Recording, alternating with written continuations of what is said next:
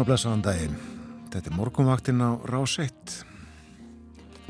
Það er miðugudagur í dag, 19. oktober, klukkunum vanda nýju mínutur í sjö.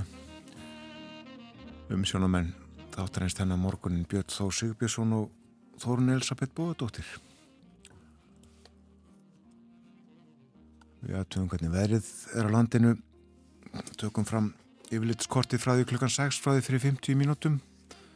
Þá var fjórastega hitti í Reykjavík, hægur vindur, alls skíjað. Og það er ringt nokkuð, svolítið fyrr. Fimmstega hitti á Kvanneri og einni í Stikisólmi, alls skíjað í hólminum. Sekstig á Patræsfyrði og sjöstega hitti í Bólungavík. Fimm metrar á sekundu þar suðvestanátt fór í 11 í mestu kviðu. 6 gráður á Holmavík og á Blönduósi og 7 steg að hiti við Söðunisvita.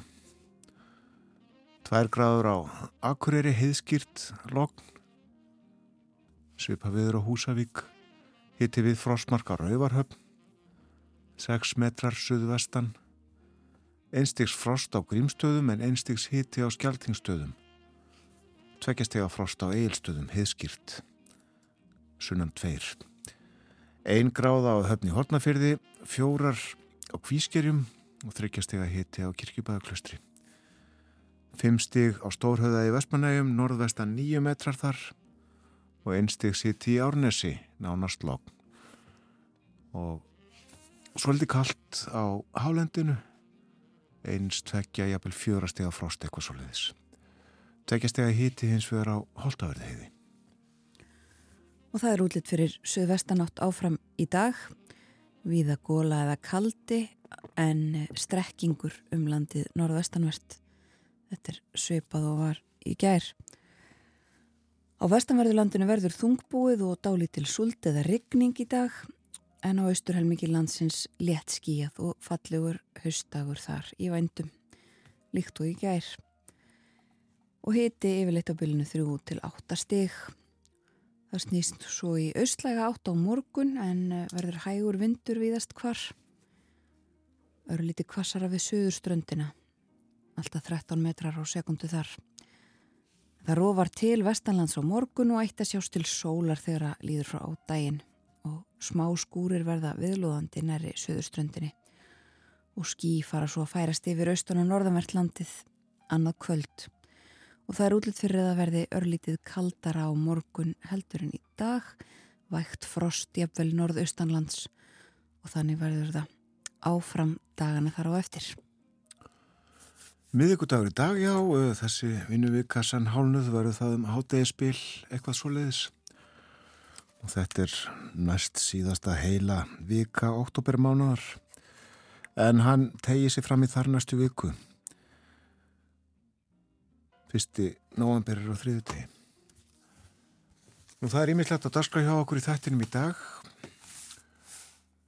Við ætlum að fjalla um lestur, við ætlum að uh, tala íka um kostningabaráttuna í Danmörku og stjórnarskrármálefni. Og uh, allt blandast þetta tónlist.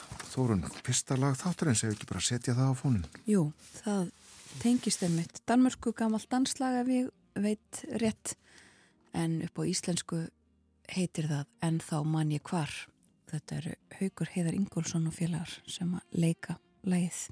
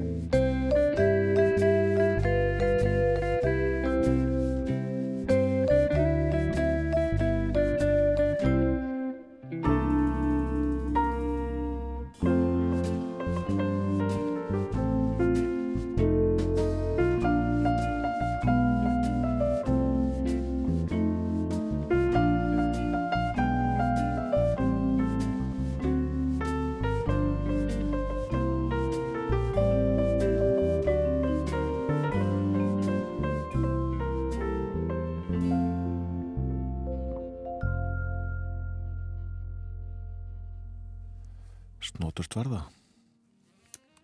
Og hægt að raula með þessu, þessum kunna tekstan.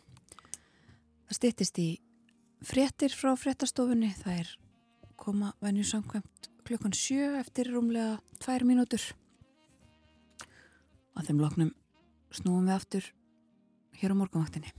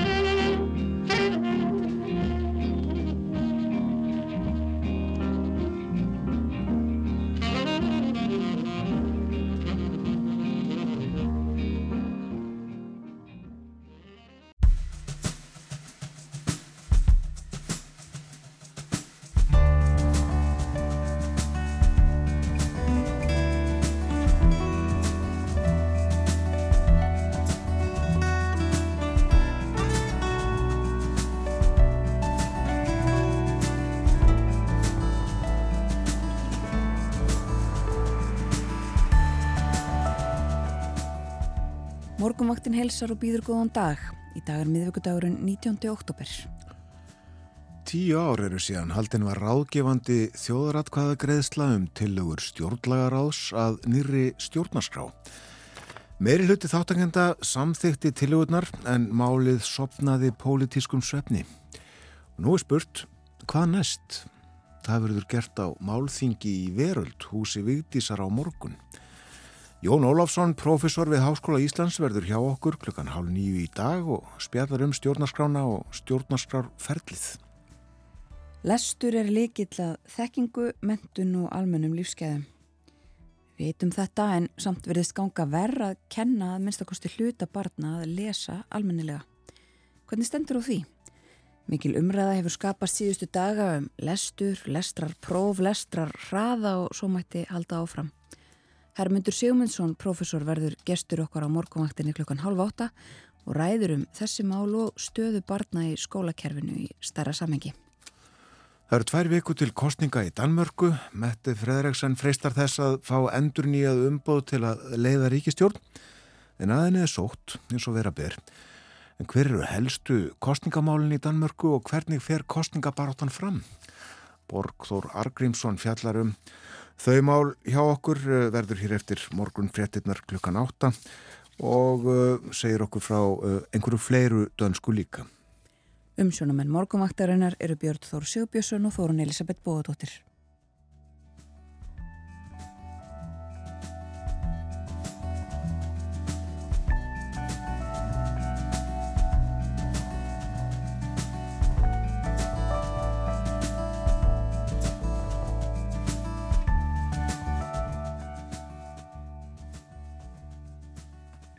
Er suðvestanátt á landinu í dag, viða 5-10 metrar á sekundu en 10-15 á norðvestanverðu landinu.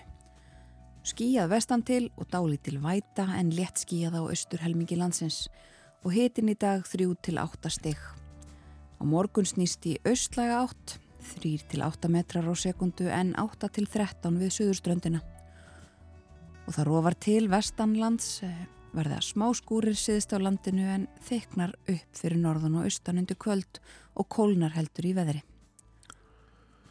Já, eh, suðvestanátt í dag, eh, austanátt á morgun, norðaustanátt á förstudag og suðlega átt á lögadag. Já, og á lögadag er mitt fyrsti vetrardagur og eh, ágættis veður sínist okkur í kortunum þá, einmitt hæg suðlega eða breytilega átt.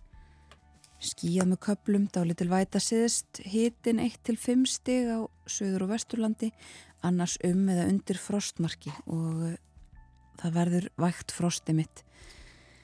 Sumstaðar næstu daga en það eh, er komið hér í spá fyrir byrjun næstu viku að þá hlínar heldur í veðri á hannu dag og þriðu dag. Fögnum því. Það er hálka víða á vegum og uh, tiltekinir til dæmi styrjandisheiði, þar eru hálku blettir, hálka á auksnadalsheiði, Einnig á Dettifossvegi og í Bárdardal, hálku blettir á Mývarsöröfum, Möðrudalsöröfum og Hólasandi og það er ófært á Helliseiði Istri. Hálku blettir á Fjardarheiði, Faradal, Öksi, Breitalseiði og Mjóafjardarheiði. Hálku blettir á Mýrdalsandi, þetta eru skeitin frá vegagerðinni þannig morgunin. Við lítum í blöðin, tökum fram fyrst morgunblæðið og uh, þá er fyrst að nefna að hér er Fimm dálka mynd á forsýðu þar sem sjáum á Stefan Pálsson sakfræðing segja frá hegningarhúsinu við skólaverðustík.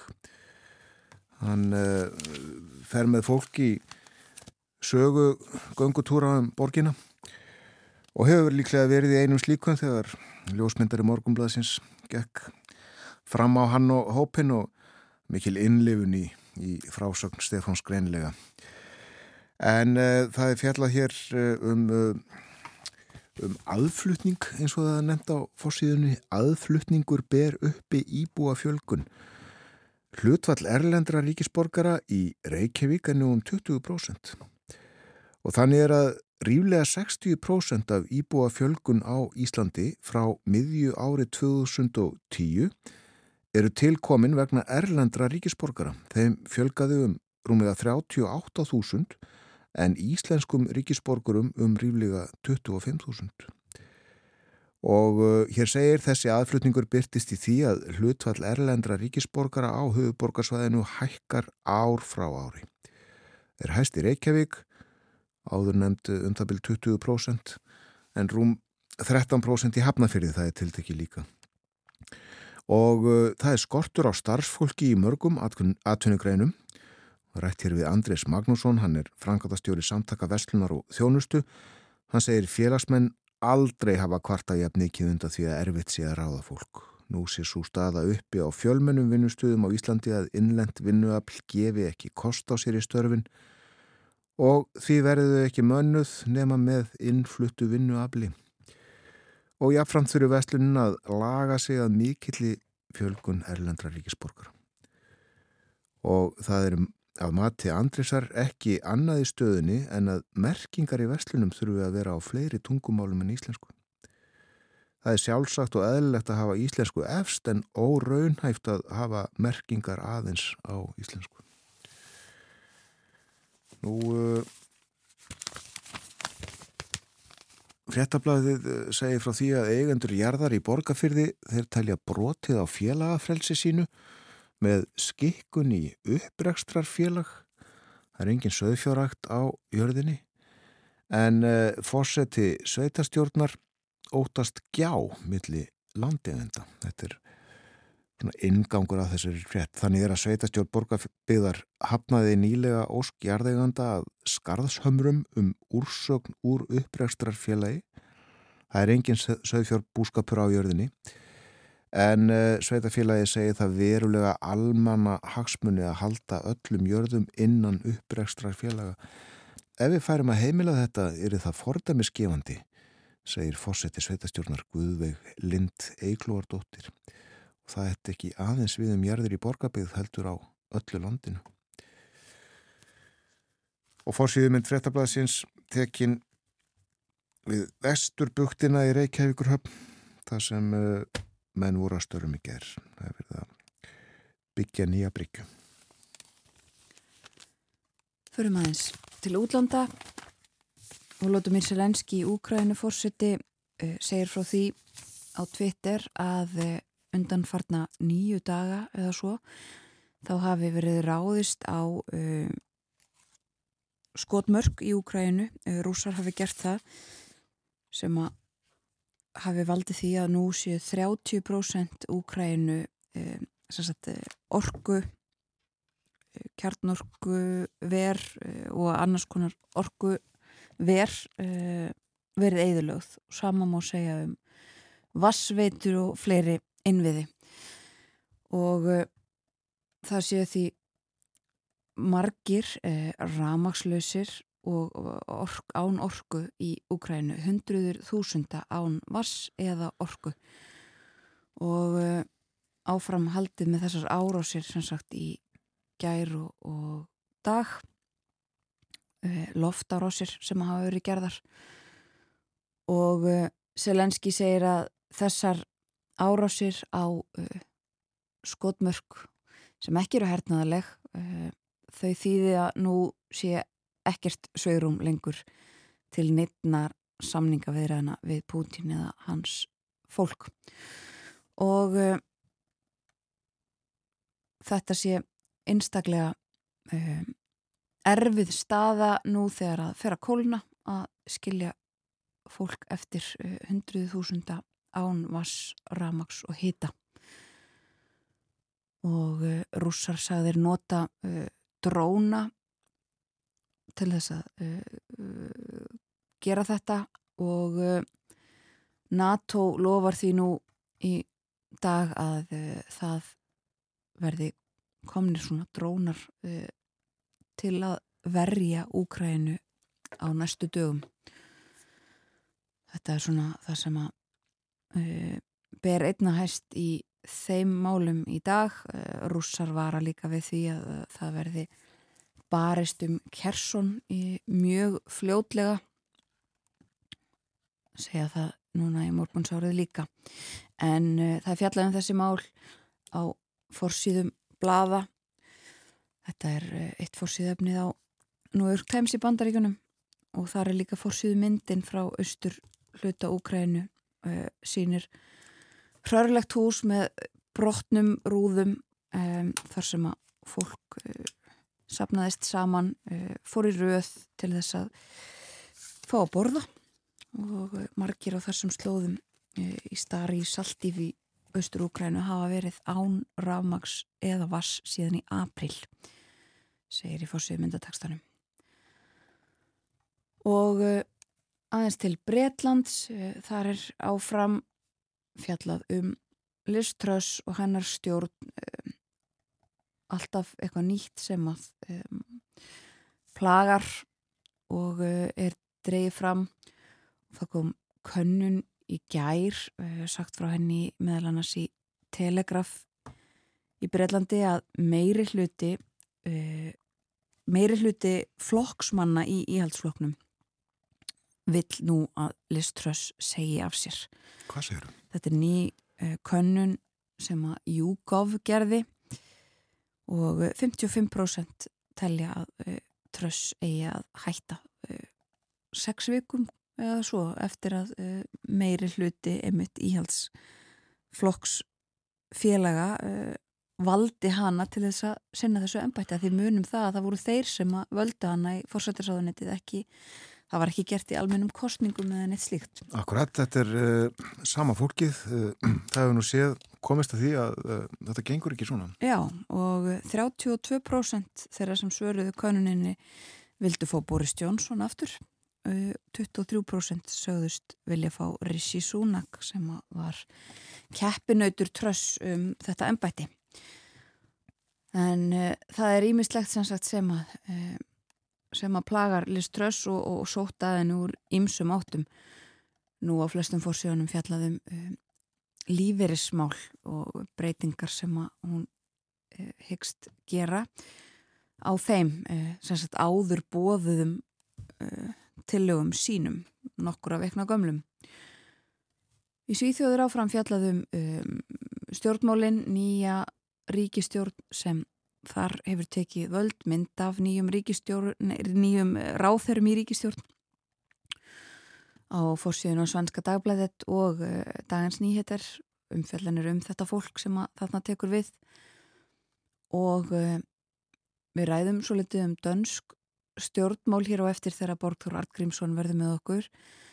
Þau eru til umfjallunar á fórsíðum danskra blada en á fórsíðun á politíkan er umfjöllun um, umfjöllun af sumfundi sem að bladamæður eh, politíkan fekk að vera á. Það voru sérsagt eh, skurðlæknar landsins um, og fyrirsögnin er laung og það segir 41 mínúta á sumfundi með uh, skurðlæknum landsins.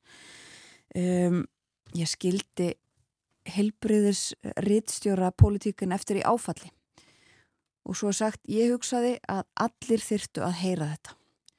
Og það er sem sagt uh, þannig að um, skurðaðgerðir uh, þær geta endað í bara mjög hættulegri og uh, hættulegum og miklum inngripum og vandræðum.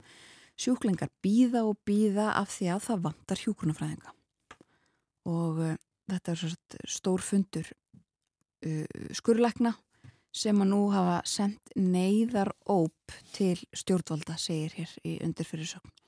Og pólitíkinn sem sagt með á þessum fundi þar sem að þessi ákvarðan að tekin að senda út neyðaróp það verði að gera eitthvað í þessum málum. Við höfum auðvitað uh, fjallað um þetta svo litið á morgunvaktinni þegar við skoðum blöðin í Damersku þetta hefur verið mikil umræða um helbriðismálin og akkurat þessi mál undanfarnar vikur má segja. Þetta er svona með því helsta uh, sem við draugum fram af forsýðum í útlöndum. Segjum kannski uh, nokkrar aðvarar erlendarfrettir síðar í þættinum. Það er vonu á gestum til landsins í dag? Já, til landsins koma, eigum við ekki að segja að þau hafi komið mögulega uh, í gæri eða snemma í morgun finnsku fórsötuhjónin að minnstu kosti hefst þeirra ofinbera heimsókn til landsins klukkan nýju á Bessastöðum. Sáli Ninnistu og Jenny Hákjó eða Hákjó um, þau eru á leið eða komin hinga til lands verða hér fram á förstudag eh, fórsetarnir íslenski og finski þeir munu funda eftir þessa mótöku á bestastöðum og ræða við fjölmela og áður en þeir halda svo á alþingi þar verður fundað með Birgi Ármannsinni fórseta alþingis og varafórsetum og svo býður Katrín Jakobsdóttir fórsetisráð þeirra til hátegisverðar í ráþarabústanum en eh, fórseta frúr landsins þær munu eiga opið samtal bókmentasamtal í Norrannahúsinu klukkan 10.20 og eh, Elisa Rít og, og Jenny Hákjó sem báðar hafa lagt fyrir sér rétt störfmunu þar ræða um íslenskan og finskan bókmentaarf og hvernig hann mótar sjálfsmynd þjóðana eh, þau, þær gera það við Eirik Örn Nordal og gerði Kristníu í Norrannahúsinu í dag. En fórsetarnir hins vegar, þeir halda ofin málfund í veröld húsi Vigdísar eftir hátegið já þar sem að þeir ræða um norræna samvinnu á erfiðum tímum og það fara svo fram pallbórsumræður og þeir ræða um, við ráþerra og fræðimenn um þessi mál. Og eins og í svona heimsóknum viðulega þá verður hátíðar kvöldverður á basastöðum í kvöld og á morgun þá fer finska sendinemdin í fyllt fórsættahjónana íslensku á Vesturland Þau heimsækja ísköngin á langjökli og munum fá að sjá hvernig jökullin hefur hopað undarfærin ár og skoða svo þingvelli, kaldadal og húsafell, segir tilkynningu frá fórsetta ennbættinu.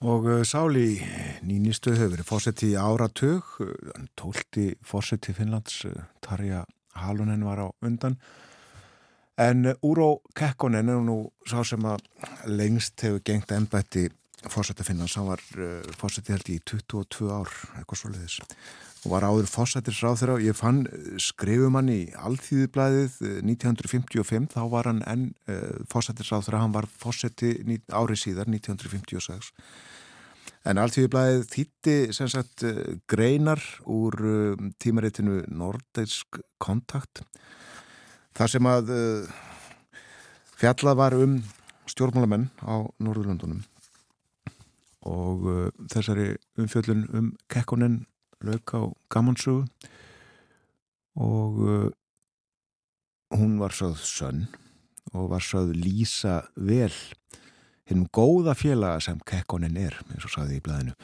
Á stríðsárunum bauðan að loknum kvöldverði á hóteli í Helsingfors fjórum félögum sínum heimað sér til að syngja og frá klokkan tíu um kvöldið til fjögurum morgunin sunguði félagar megnið af lögunum í fjórum söngbókum og uh, þeir gerðu það við barsmíði nábúana í veggi, loft og golf alveg að gefast upp á þessu engin svefn friður en uh, þeir létt ekki þessa barsmíðar uh, nokkru varða. Og þegar gestinni kvöttu kekkoninn þarna klukkan fjögur um morgunin þá saði þetta að hinga kem ég sjálfsagt ekki framar eh, því að þú býr hér varla lengur, þú verður neittu til að flytja eftir þessu nótt. Kekkonen saði, nei, nei, nei, nei, nei, nei. Næstu nótt þá syngja nágrannarnir og þá verður það ég sem banka á veggi og byggða á maður að hætta. Og Kekkonen eh, var mikill lagsveiði áhuga maður stundaði lagsveiði og kom nokkur um hinga til Íslands til þess að veiða lags eh, til dæmis 1975 og þá var sagt frá, frá því morgumblæðinu Kekkonen fekk 22 lagsa, var ánaði með veiðina. En uh, hann var þá á heimleið eftir að hafa verið fjóra daga uh, í Víðudals á og með honum voru sjö aðrir finnar og já, Kekkonen fekk 22 en, 2, en samtalsveituðir 148 lagsa og uh, hann var fluttur úr húnáðarsíslinni til Reykjavíkur með flugvél, flugvél Vangja. Og uh, sagði auðvið talunga með að koma hengað aftur. Bentu um leið á Ablan, það var verið að færa hann úr þessari vél og uh, yfir í svo vélina sem að fluttan heim til Finnlands en hann fór inn á loftliðahótelið til að fá sér hersingu og hitti þar uh, Kristján Eldjarn, fósetta Íslands. Þeir spjöldluðu og gengur svo saman að flugvel Finnlands fósetta, kvöttust þar. Og svo saði ekki var hægt að taka alla lagsana sem finnandi fengu í flugvél kekkunins voru nokkri tíu lagsa og nokkrar ferðartöskur skildar eftir kemur líka fram að kekkunin færði Kristjáni Eldjátt lags og uh, aftur var kekkunin á Íslandi 1978 og uh, þá greindi morgumblæði frá því að þeir höfðu veit svo mikið félagarnir aftur í viðtals á að það þurfti jeppakerru til þess að flytja aflan úr úr uh, viðtalnum og til Reykjavíkur og mynd af aflanum á kerfunni en uh, já, Sáli Nínistöð er núna fósetti Finnlands og uh, Tarja Halonen var á undan honum þar á undan Marti Attisari. Og svo Máno Koivistó hann tók við af Kekkonen. Og hann kom í heimsók til Íslands 1982 og rétt áður þá var uh, íslenskum blagamönnum flóið til Helsingi til að hitta Finnlandsfósetta og uh, eiga við hann viðtal og uh, svolítið skemmtilegur yngangur í löngu viðtali sem að tíminn byrti Elías Næland Jónsson skrifaði það, það var lýsing á Finnlandsfósettanum Mán og Kói vist og tók á móti okkur þremur íslenskum blagamönnum í storri og bjartri stofu í fórsetta höllinni í Helsingi. Hávaksinn, grannur og myndalegu maður sem lítur út fyrir að vera mun yngri en hann er. Hann var þá að verða 59 ára. Hann minnir hvað útlilt snertir einna helst á sterkan og röstbyðan finskan skórhagsmann eða þá útitekkin íslenskan búnda. Við sjáum ekki svona lýsingar í blöðum uh, lengur. Nei, ætlum við sjáum þetta nokkuð um, um sáli ninnustu eftir hans eða þeirra heimsók. Ég hugsa ekki. Nei, það er ólíklegt. En uh, já, uh, hann og þau fara í þingið hitt að þingfósetta, borða svo með fósettisáð þeirra en hefðbundi mál á dagskráð þingsins í dag, þingfund fundur hefst á umfjöldunum störf þingsins klukkan þrjú. Svo fer fram sérstöku umræða um störf án staðsetningar. Og Líneik Anna Sæfastóttir er þar málshefjandi og til ansvara verður fjármála á efnaðarsráð þeirra Bjarni Benditsson. Nemndafundir fyrir hátegi allt með hefbundum hætti Já. og góðu slatti að alþingismönnum í útlöndum. Heil þingnemnd til dæmis í Óslo og það er stjórnskipunar og eftirlitsnend og það eru bara konur sem eru í norsku höfuborginni á vegum þessari nefndar. Já, svo er Njál Trösti Friðbjörnsson, þingmaður sjálfstæðarflokksins í Helsingi á ráðstefnu á vegum NATO-þingsins og þingmannanemnd EES fundar í Strasburg í dag og morgun. Þar eru fjórir þingmenn. En það er fundar fært samt? Já. Það verður fundur, þingfundur klukkan þrjú í dag. Það verður þingfundur og uh, fjölmörg mál þar á dagskrá sem við uh, fórum ekki yfir hér. En kannski að því sem er framöndan á morgunvaktinni hjá okkur eftir stuttastund verður Hermundur Sigmundsson Við ætlum að tala um ímislegt uh, við hann var þar börn meðal annars lestur ekki satt Þorun? Jú, við ætlum að tala um uh, lestur skólakerfið bara og ímislegt uh, fleira sjáum uh, hvert við komumst með herrmyndi eftir nokkra mínútur. Kostningabaratunni í Damörku milli 8 á hálf 9 Borgþór Argrímsson verður hér og uh, svo er það uh, stjórnarskráin stjórnarskrár ferlið á sínum tíma á morgun áratögur frá því að fram, síðan að framfór þjóðratkvæða greiðsla ráðgefandi um nýja stjórnarskrá. Jón Ólarsson professor verður hjá okkur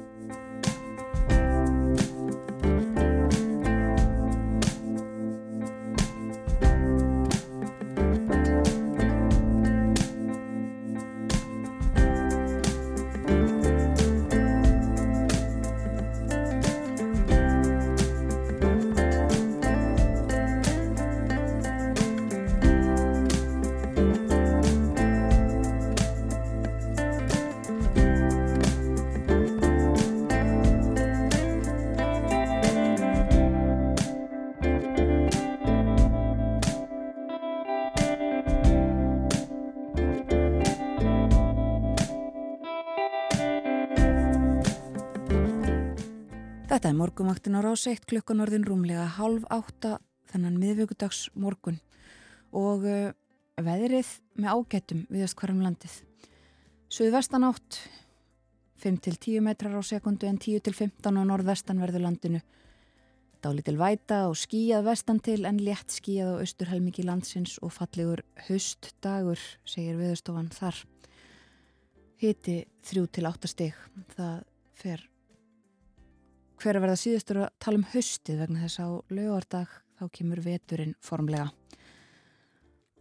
Hér á eftir verður með okkur Borgþór Artgrímsson, hann ætlar að tala um það sem að efstur á bögi í Danmörku og það sem efstir svona á bögi þar eh, eru þetta kostningar, það verður kosið þar eftir tvær vikur. En sitt hvað fleira kemur þó við sögu í spjalli okkar við Borgþór hér á eftir. Og svo er það stjórnarskráin Á morgun verða tíu ár liðin frá því að haldin var ráðgefandi þjóðratkvæðagreisla um eh, tilugur að nýri stjórnarskrá. Jón Ólafsson, profesor, kemur til okkar og ræður um þessi mál.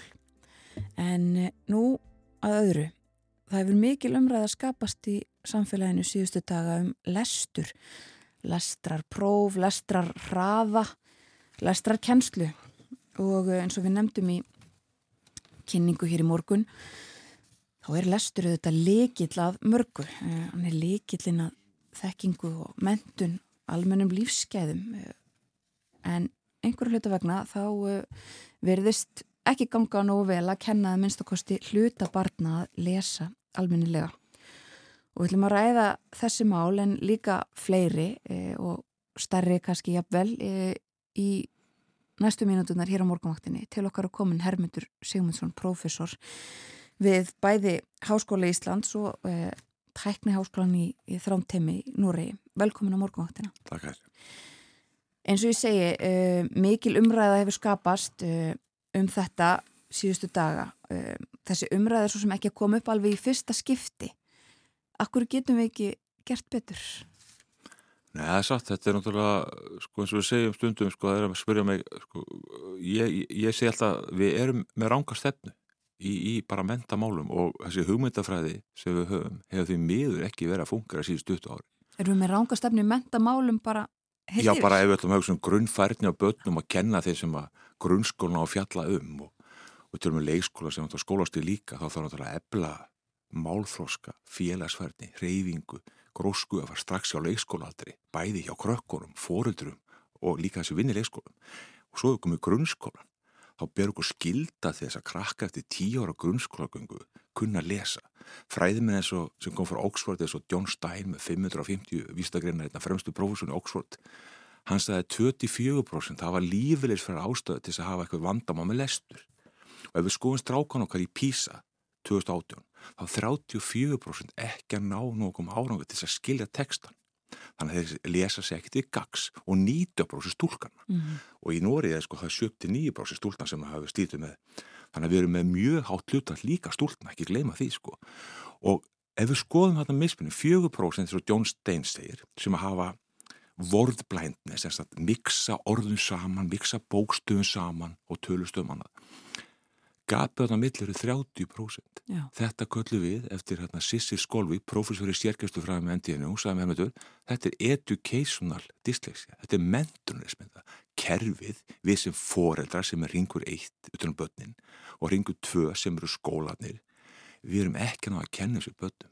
Og þarna sjáum við líka að ef ringur eitt sem verðist vera kannski með 30-40% tilfella ekki er að standa sig með að kenna börnunum. Þess að við þurfum að læra og sinna þá að lesa með þeim og, og ná að skapa hennan áhuga hjá börnunum.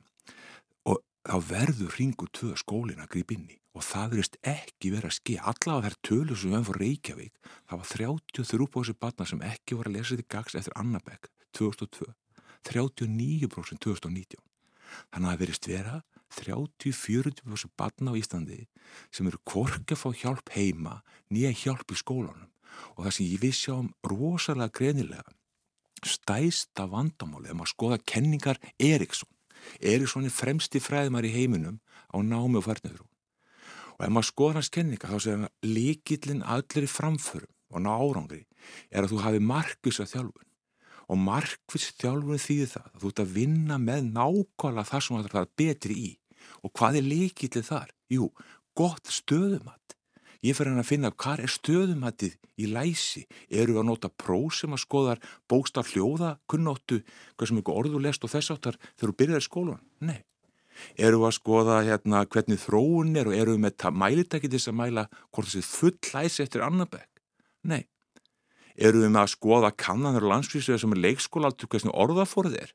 Nei, en við erum með rannsóð frá 98 sem sýndi að var 16% batna sem að sleit við orðaforða eða sem sagt málþróska áhættuhópi 16%. Já. Þessi tala hef ég séð er, er að tvöfaldast núna.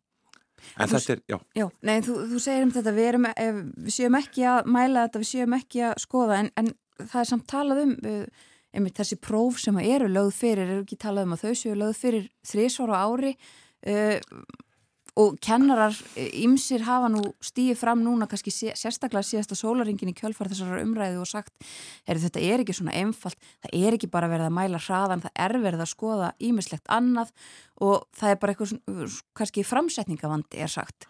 Já sko þú sér það, þegar ég fæ símtal 2015 og það er hermiður, nú erum við að mæla þrísarsum ári alla nefnöðu grunnskólans Já. í leshraða eða lesfimi sem kalla þetta bara atkvæði rétt, atkvæði lesin á mínútu og ég, ég trúi sig ekki, ég trindi strax í Finneild Tönnesinn, fremsta normanur sviði í Lestrarsenturinu Stavanger búin að vinna þessu mál í fjölda, fjölda ára. Og hann segi, ég segi, er, hvað er að gefa á þrúböld og þau eru aldrei farið lesaðamælikar í Núri, sko. Hvað er þetta eiginlega? Nei, við notum ekki Núri og ekki Norrlöndunum þetta er ekki notan einstæri í Európu en talaði hækki lítinin og ég ringi bara beint í hækilítinu bara og fekk númur í að finna eil sem þekkta hann personlega og hann kom átt í Íslands í dag og kom með okkur til Vestmanni og, og, og, og málþingi á vörstæðin og ég spyr hæki, hæki, hvað gerir þið í Finnlandi? Er lesraði eða er þetta eitthvað issue? Nei, við mælum þetta ekki. Og hann sagði alls ekki, ég geti rálat mentamála yfirvöldum, þetta var þess að þeir fjóru, fimm áru síðan 2008 sem ég spurði hæki að þessu sko. Og hann sagði ef ég geti rálat mentamála yfirvöldum þá múti ég segja alls ekki mæla lesraða, mælið heldur hversu marga bækur lesbatning á mánuði og hvað þrjáru voru skemmtilegastar. Þá ertu ebla þjálfurna en hans er hermuður. Ef við skoðum lestrar færni í öfnuna, hvað er í henni? Jú, það er umskráning, það er að kunna bókstaf og hljóð og geta sett saman 2, 2, 3 og 3 og sinnum málskilningur leggiði áherslu á þess að þú að þætti þess mm. að krakka þið ná að brjóta lestrakóðan og svo ebluðu málskilning, orðaforða. Og þetta er náttúrulega rosalega mikið átt og þetta er líka stutt, það komum við hérna í vor á okkar vegum, Maggi Snóling og Kate Nason, professor Oxford fremstar í Englandi á þessu sviði. Og breska sendir að hjálpa okkur með það og þá heimsótt og það er bara það krissa bóksi, eins og hækið sér málskilningur, gífulega mikið all, alla æfi þetta er ekki bara, bara 6-7 ára, þetta er allan tíman mm. bróta lestrakóðan ná að lesa og svo þjálfunin. Það töluði ekki, þær trúðu mér ekki. Þegar við sögum að við höfum að testa 46 spötna ári frá fyrsta til tíundabækjar það trúðu ekki. Það segir Englandi þá er sérkenningar sem með prófið í töskunum getur notað þetta við þessi ef hann að keira ákveðin aðeins veit að þessi óletar að fá þjálfun sérstaklega þjálfun og sérkjærslu getur skoða þetta. En þessu magni, þetta er hvergir nota annar stað í heiminum mm. þannig að við verðum að fara að skoða vísindin eins og hæki segir hvað er í lestraferðin í öfninni og þarna segir þetta er algjörlega raungstefna því að þau eru að mæla stöðut eitthvað. Og komi heim með eðurblæði svo hún reyf hún ilmur sem er bara frábært hjá henni þá er þetta íta undir það að þetta sé líkil breytan í öllu, lesa rætt og svo spyr hún, spyr, heyrum að tala við fólk sem að krakkaði koma grátandi heim af því að þeir gekk svo illa í þessu lesarapróf eitt sé þegar 14 ára gammal sem stamar þrjú prófa ári, lest tvö og allt góða mínútu, alltaf sendur þetta próf. Veist, við vorum að skoða, þetta er algjörlega raungstefna, það er líka algjörlega raungstefna að við höfum ekki nota kenningar Eriksson sem er markvistjálfur með eftirfylgni þessu stöðumatti líkilinn og líka alránt að hafa ekki nota kenningar Sissimjali sem er fremst í fræðumæri heiminn samt áhágöld. Hann sagði að þú verður af áskora með að færni og ég er að heyra stöðut um krakka sem eru ólæsir að fá orðatæmi störfrið og þú sé bara hvað er í gangi, notum hérna skynnsemin ræður En hvernig, hvernig gerum við þetta þá? Því margt af því sko sem að uh, talaðum um, ég meina það verður auðvitað að hafa eitthvað eins og segir, eitthvað lesfarni, einhvern veginn verðum að geta metið hverjir það eru sem er mitt þurfa aukinn stuðning og hverjir þurfa kannski aukna, uh, auknar áskoranir.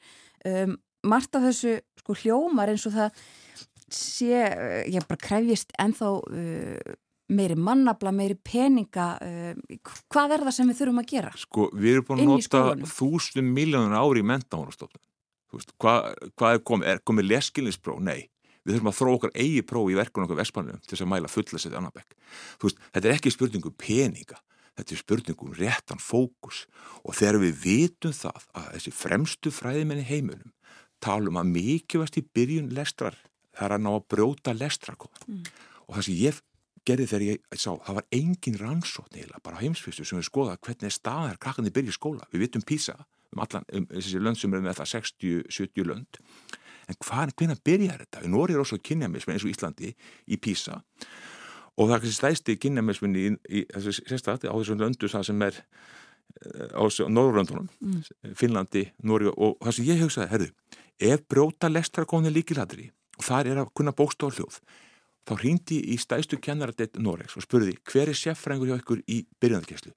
Jú, það er þessi manni, ég segi þessi, hérna, þessi, þessi kona hérna vísa, hvaða próf getur notað þegar krakknir byrja í skólum? Jú, það er þróa próf 92 það greitu oftir hann í heimörg það notaðum að vísförun voru sem sér hversum okkar bóstafi kant og hljóð kant að lesa setningar og þess að og þetta notu í vestmannum mm. og þetta er notað þess að komið þrjár aldur að vístökna þetta próf, mælitæki þannig að þetta er viðukent mælitæki og þarna sjáum við nákvæmlega hvar á að setja sagt, áskornar og markvisa þjálfun hjá öllum börnar sem kom inn. Þessi fimm sem kunna lesa þegar við byrjum eigaprósetinu ráður síðan, þeir fyrir strax bækur við hæfi. Þá fyrir við bókasafni í líðum okkur, Gára Bjarnason og hans, hans starfsfólk sem var búin að spurja mig hva, hvað það geti hjálpa okkur. Ég sagði já, það getur merk bækur, þetta er erfilegast í það, það var frábært hann seti strax í gang og var búin að merka 5.000 bækur hérna, mm. fyrir hérna, háskólinema hjá hann yfir sumatíman sem er ótrúlegt þannig að krakkan þetta fundi bækur nákvæmlega við hæfi það eru áskomið að ferni hinnir sem kunni 5-6 bókstafi þáttu erfileika kannski með íslenskuna líka þeir fengur sérstaklega aðstóð hjá sérkennara Já. þrjá tími viku öll 50 börnin náða að bróta lestrakon sem er alveg, búin ég að segja, alveg uníkt ekki einn gæti ekki brotið lestrakona þetta fyrsta árið. Þetta er bara fyllt fremstu aðferðarfræði.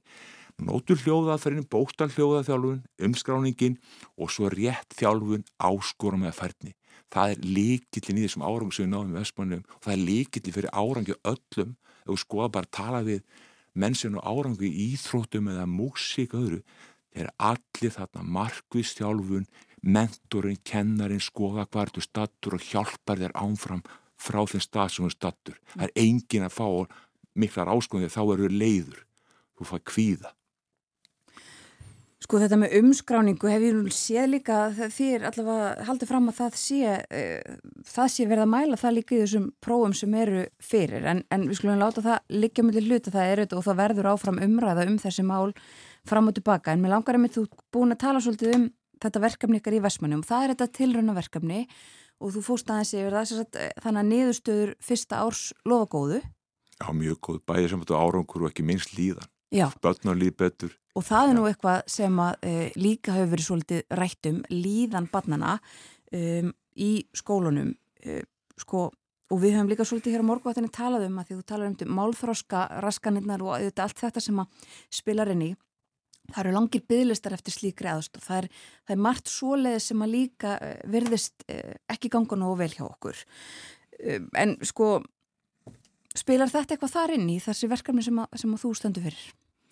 Já sko, við hefðum alveg viljað fara sko, við fengum hann ákveðin styrk sko og lofa hann að fara Vestmannabæð ákveðin tímilega árið þrjú ár, fyrstu mm -hmm. þrjú árin og svo líka lofa að fara mentamálundu, það kom bara um tímir þannig að það var ekki staðið þess að tuttu Þannig að sko við erum að berjast í því að fjármáta verkefni, það er ekkert mál að fara niður í leikskólan líka og vinna á móti leikskólakennurum og, þe og þeim aldrei, mm. en þá hartu fjármán í það og eins og ég segi sko, það er búin að nota þúsumilin ári í, í hérna mentamárastofnun og er þetta að fá eitthvað þessu fjármændi til þess að nota fremstu vísindi, nota vísindi hægi littinnið, Maggi Snóling Eriksson síðan sem er inn í skóla. Það er það sem gerum í Vespanum mm. og við hugsun bara skóladagurinn, þetta búið að vera 20 ári prósett þetta, í, í þessi, þetta, þetta með að breyta skólatíðinum. Það sem hefur reyfingu alla daga í öðrum að þrija tíma. Akkur reyfingu? Jú, það er jákat og sérstaklega jákat fyrir drengina en öll börnin, það kveikir á heilastaseminni, það setur í gang ákveðna prósessa, þið líður betur og þú far meiri fókusu einbyrðu þrjá fjóra tíma eftir. Þetta er rannsóti gerðar þessin er reyfinginn og sama tíma tökum við grunnfærnina lestur, náttúrufæður, starfæri sem er líkið þættinni í bara að skilja og þá komaður í 35-40 mínúta blokkum alltaf tímund að pása milli. Þú mhm. verður að fá þessa pásu til þess að bara ná að endur ræsa systemið og, og, og eins og við tökum úr kaffibótla, ég vingast í 30-40 minnir svo fæðum ég kaffibótla. Þetta er alveg saman krakka, þeir get ekki setið í einn og halvan tíma sex ára börn og mhm. sextala drengið sem eru fullir af testosteron, þeir þurfa reyfingu, þeir fari bara inn í leikskóla að sjá í leikin á krökkum.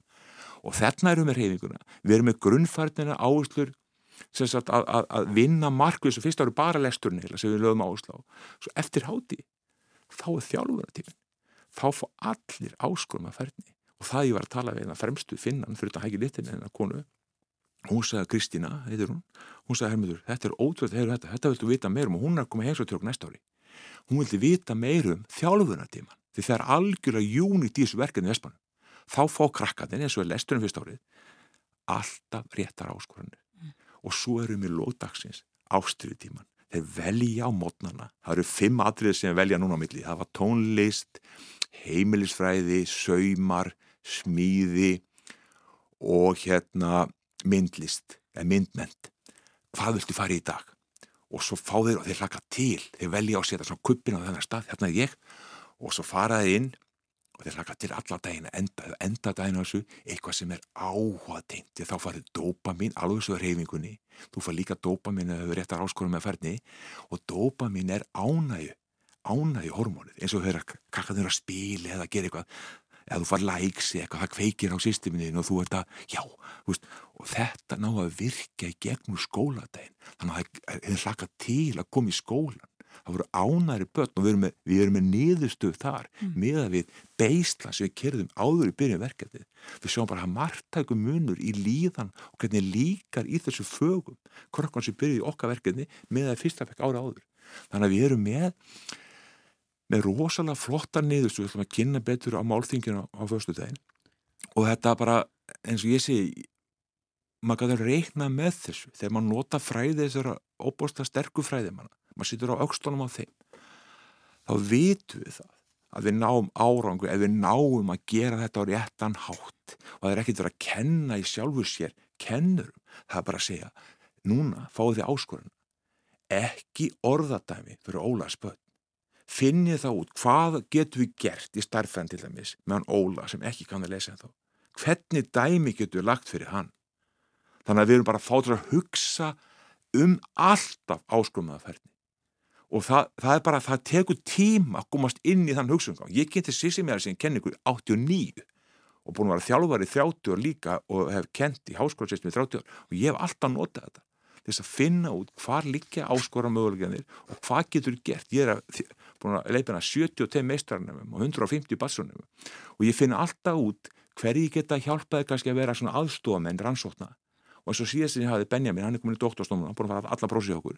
Hann er komin fjórað vístakirinn áður að byrja doktorsnáminu, því ég sá það eftir að hann var að vinna með mér í eitt ár sem aðstómaður þá gæti hann fara að skrifa kannski kapla, aðferðarfæra kapla hann gæti fara að hjálpa mig með að skrifa ingang og svo er bara með á fjórum vístakirinn Já, um, Hermundur þetta verkefni er mitt í Vestmannum, þú nefnir það því ætlaði að kynna það og svona fara yfir þessi mál uh, á förstu daginn. Stendur til að, að fara með þetta eitthvað víðar eða eru það einbit ykkur að því að klára núna þessi ár sem eru eftir í þessu tilhörnverkefni Vestmannum? Já, við segjum alltaf rætunar er komnað niður. Það eru þessi stóru merkuvísni sem við byggjum á og við fyrsta greinin á trénu er Vestmannar.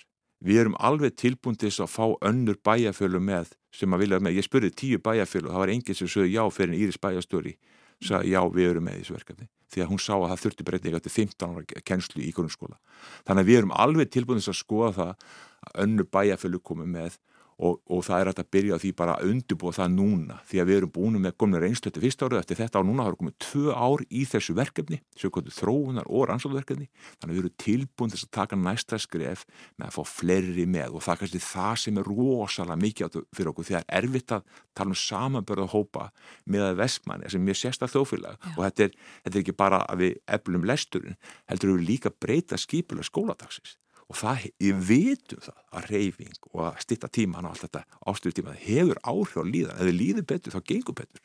En hvernig er þá með eins og samtalið, þú nefndir það áðan að þið fengi fjármagn eh, ekki eins og vonast var eftir frá mentamálaráðunitinu, nú er þetta búið að skipta þessu svona í, í tvö ráðuniti um, hvernig er samtalið við stjórnvöld? Já sko við erum, eins og ég segi, við erum mjög ánar að fá alltaf þessa tíu miljónum frá Lilju og mentamálaður á þeim tíma. Við erum að núna vinna því að fá meiri fjármar þannig að við getum haldið áfram ekki bara þessu þrjú ár, þetta eru tíu ár eins og var planið. Og þannig að við, það sé ekki neitt kostnaður í sjálfu sér í þessar þróuna verkefni því við þurfum að þróa mælitækin. Við þurfum að þróa stöðumat í starffræði fyrir krakkana, einfar stöðumat. Við þurfum að þróa stöðumat í, í náttúrufræði við erum þó að stuðum að til lestur með fullest núna.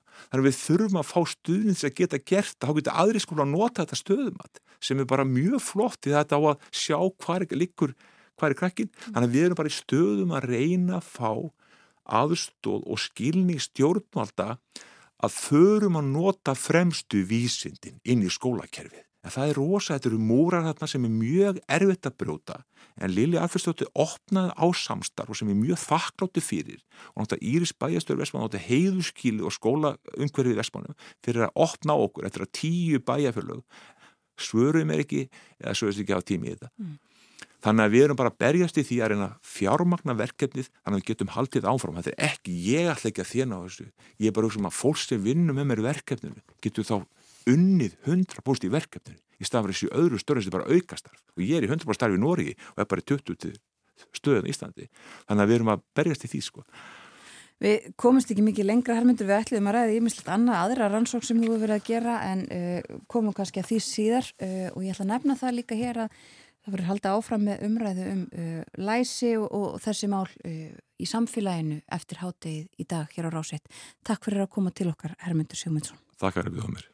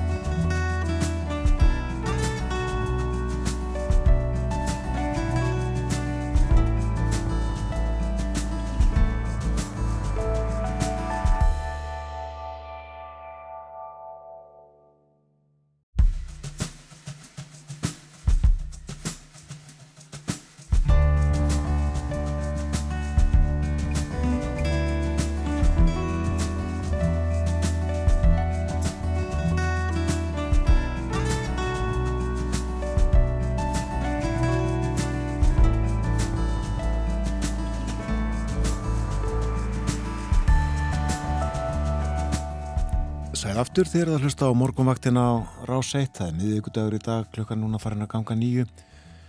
Hér fyrir fréttir fjöldluðu við um lestur, gestur okkar Hermundur Sigmundsson. Hann er professor í, heitir það ekki, þórun lífeðlislegri sálfræði? Jú, heitir það og uh, hann er professor uh, í Noregi, þrántemi og líka við Mentavísindarsvið Háskóla Íslands. Rætti við okkur um um ímislegt sem þessu við kemur uh, meðal annars þetta tilrauna verkefni sem hann og fleira fólk stendur að í vestmannegjum það heiti kveikjum neistan og það er verið að gera ymsar breytingar á uh, skóladeginum og því hvernig uh, börnum er kent Á eftir fjöldum við um stjórnaskrána íslensku þannig er að á morgun þá er liðin áratugur frá þjóðratkvaða greiðslunni sem að emt var til um tilugur stjórnlaga ráðs að nýri stjórnarskrá og af því tilitni verðum áli á dagskrá morgunvaktarinnar í dag. En nú er komin til okkar Borgþór Argrímsson. Það þýðir að hér verða dönsk málefni til umræðu næstu mínutur. Góðan dag. Góðan dag. Það stýttist óðum í þínkostningarnar. Það er fara fram fyrsta november. Þú varst hjá okkur síðast fyrir tveimur vikum og þá síndu skoðanakannanir eh, að úrslill kostningarna getur orðið mjög tvísin. Er svo staða enn uppi? Já, staðan er enn svo sama að því leiti að hvorki rauðablokkin, það er miðju og vinstri flokkarnir, nýja bláa blokkin, svo nefnd að það eru flokkarnir á miðju og hægri vagnum, geta náð meiri hluta á þinginu. Sankvæmt nýjustu konun sem var byrst núna 15. Uh, þá fær rauðablokkin 85 þingmenn en svo bláa 80.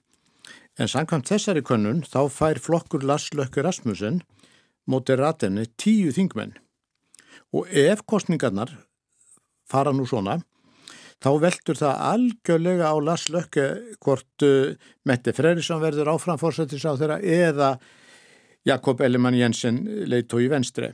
Mm. En um, þótt staða blokkana sé nú svona uh, enn og breytt þannig séð þá hefur verið ímislegt breystu við þetta. Það hefur verið venjan í danskum stjórnmálum að innan blokkana tveggja hefur verið bent á einn einstakling sem e, fórsættis á þeirra efni yfirleitt leiðtóa stæsta flokk sem sí þeirri blokk.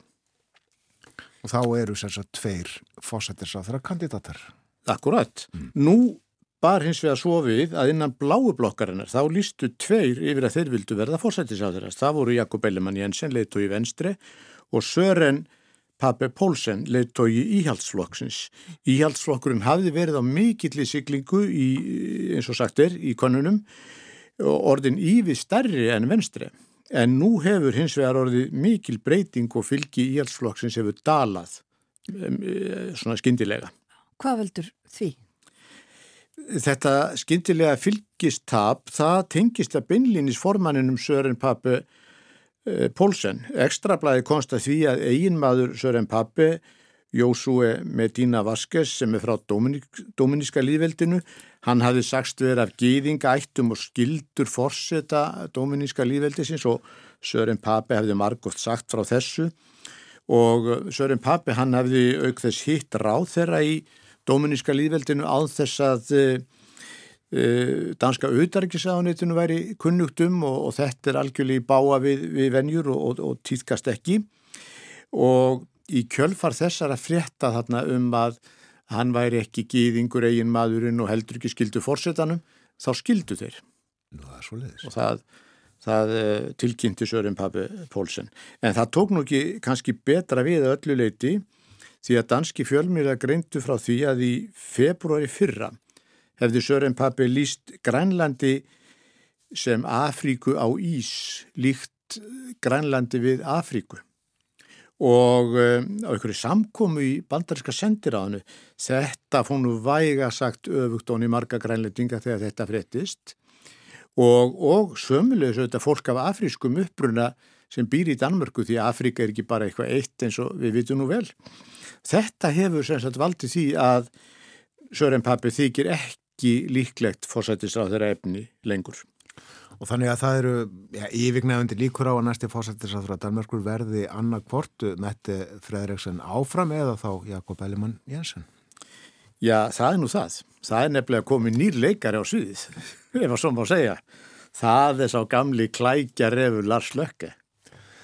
Talaðu um það í álveru að hann getur orðið fórsættis á þeirra hvað þá í fjórðarskiptið? Já, í þriðarskiptið. Þriðarskiptið. Já, menn, já, já, menn er alveg að tala um það í, í, í fullri alvöru. Hann og flokkur hans, uh, njó, þeir njóta nefnilega aukinsfylgis og ef hann kemst í einhvers konar otta aðstöðu, hann neytaði í upphafi, hann hefur nokkurt minnst áhuga á því að verða fórsættis á þeirra, en hann hefur nú æst reyið úr þeim yfirlýsingum. Þannig að það er aldrei að vita hvað gerist. Já, þetta getur orðið spennandi. Þetta getur orðið mjög spennandi og hann þekki nú vel til á, á uh, fórsættis á þeirra stólunum. Já, einmitt, þess að Björn sagði hvað þetta er í fjórða skipti. Já, eða þriði allavega, Þriðji en, allavega. eh, en Sören Pappi Pólsson hefur sagt að íhaldsflokkurum muni ekki benda á eða styðja Lars Lökke. Þannig að það er daldil óvisa í þessu náttúrulega. Já, eru mörg átaka mál í þessari kostningabortu? Ekki sínist mér það nú. Stjórnarandstöðuflokkonum verður tíðrætt um mingamálið sem var og er náttúrulega mjög erfitt fyrir stjórnina, sérstaklega Mette Fredriksen. Lars Lökke hefur sagt að allserja rannsókn á mingamálinu yrði skilirði þess að ef til þess kæmi að flokkur sinn geti stutt uh, stjórnundi Mette Fredriksen. Þannig að mingamálið það hangir ennþá yfir og er stjórninni mjög erfitt en Ástæði þess að manni sínist ekki vera mörg átakamál í, í þessari kostningabarátunni er kannski, kannski þær að stjórninni virðist af að tekist bísna vel að, að svona leiða þjóðina í gegnum faraldurinn. Það er lítið atvinnuleysu og bara, bara rífandi gangur eins og sagt er. Það er náttúrulega ekkit allt í himna lægi, það er mikill skortur á starfsfólki í, í helbriðistjónustunni allri. En það er ekki mikið deilumál vegna þess að þar eru í rauninni allir samsegir. Það hefur verið saumað að, að heilbríðistjónustunni árum saman og, og engin eitt flokku sem ber ábyrð á því. En það er svona ekki mikill ágreiningu sínismanni eða kýta svona mýmsa náttúrulega hluti sem en ekki neins stór mál sínismanni. Og eru stjórnmálamennir fyrirferða miklir í, í Danmarku þessa dagana? Já, já, þeir eru það. Það eru náttúrulega mikið um það í sjónvarpin og þeir eru alveg í rútubílum út um all landa láta, láta hérna vita af sér og hitta kjósendur og, og, og það er heil mikið um þetta í fjölmilunum eins og, eins og eðlilegt er. Já, og gjallarhaldin á lofti. Já, það tel ég nú alveg víst og plaköttin og, og hérna og barmerkin og allt þetta. Já. Já. Við býðum og sjáum uh, kostningarnar eftir hálfun mánuð en uh, það er vendanlega fleira sem er frettnæmt úr uh, Danaveldi. Já, já. Það er það. Á, á 50 daginn síðustu viku kom út bók sem hefur valdið miklu fjadrafóki. Hún heitir Spjónsjefin, uh, Njóstnasjefin, Minningar úr klefa ádján. Höfundurinn er Lars Finnsen, fyrirverandi yfirmaður leinustjónustu danska hersins. Hann hafði verið sendur í leifi í ágúst 2020 og svo var hann handtekinn í desember 2021 og satt í fangelsi í 71 dag og skrifaði þessa bók á meðan hann satt í, í grjótinu. Og um hvað er hún? Hvað, hvað, frá hverju er hann að segja þessari bók? Já, hann, hann, eh, þetta er náttúrulega mjög óveinilegt. Hann var yfirmaður leinið þjónustu hersins og, og, og handtekinn og settur í fangelsi. Í stuttumáli þá rekur hann málið frá sinni hlið, ástæður handtökunar.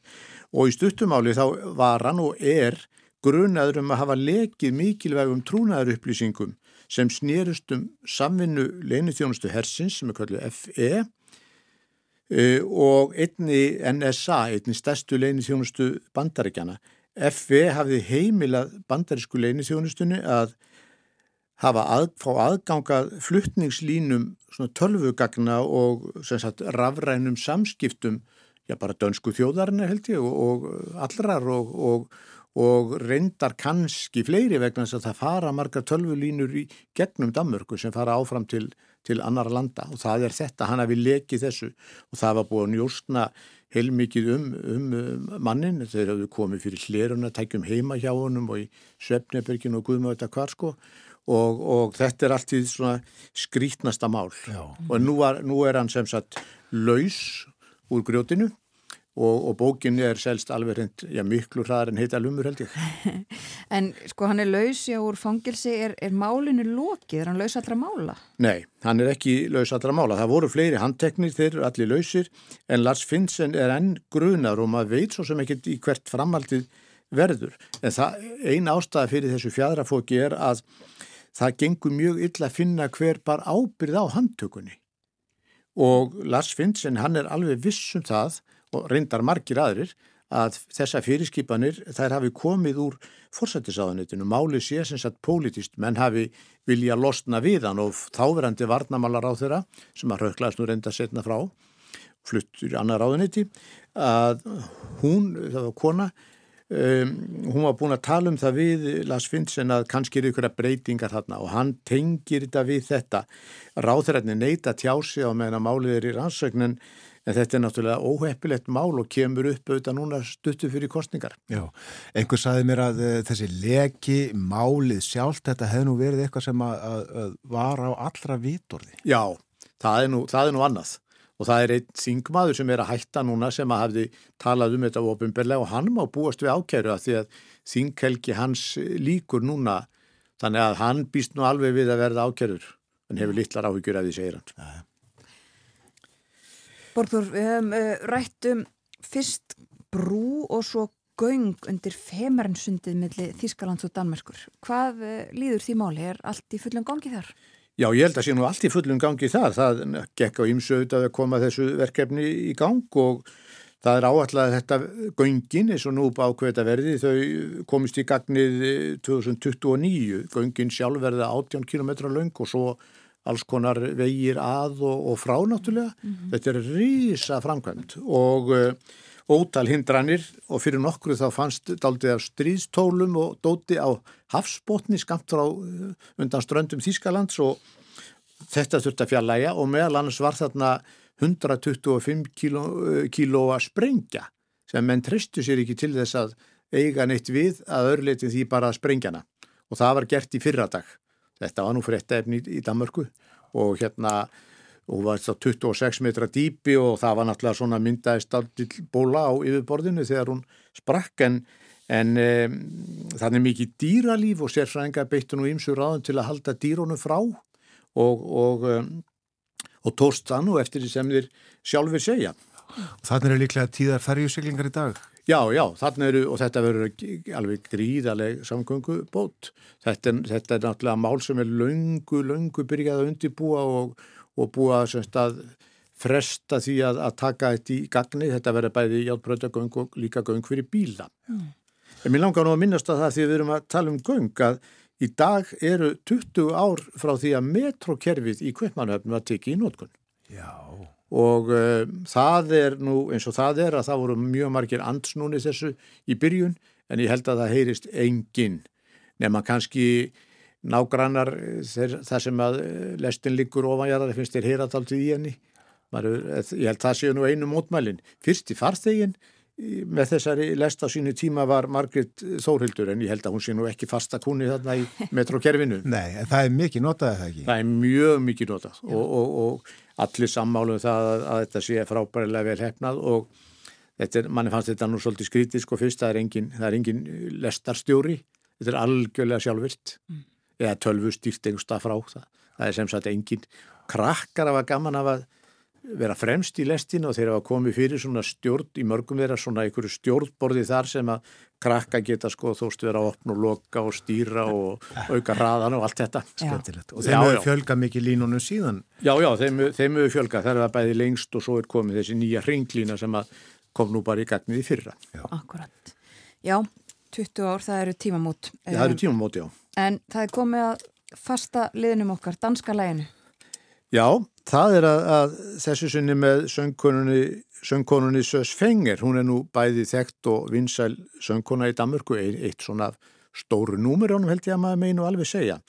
Og lagið heitir Vor enn ég går hinn og það er Pítur A.G. Nílsen sem er söngvari hljómsvitarinnar Gnags sem við kannski heyrum nú einhvern tími hann samt í lagið og syngur þetta lag með Sös.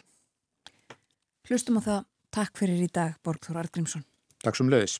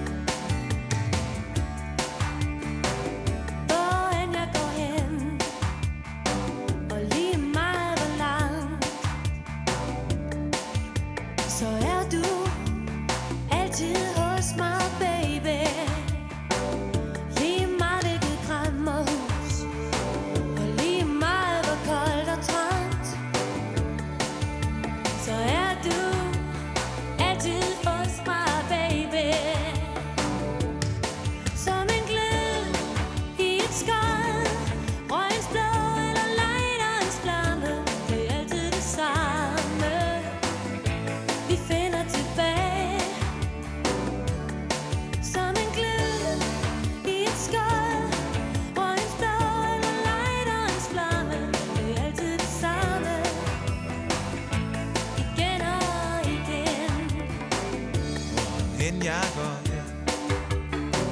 Og lige meget hvor langt Så er du altid hos mig, baby. Lige meget hvad jeg visker Og lige meget hvor rent og blandt Så er du altid hos mig, baby. Som en glød i et skjold Hvor en ståle lejder hos flamme. Det er altid det samme. Tilbage.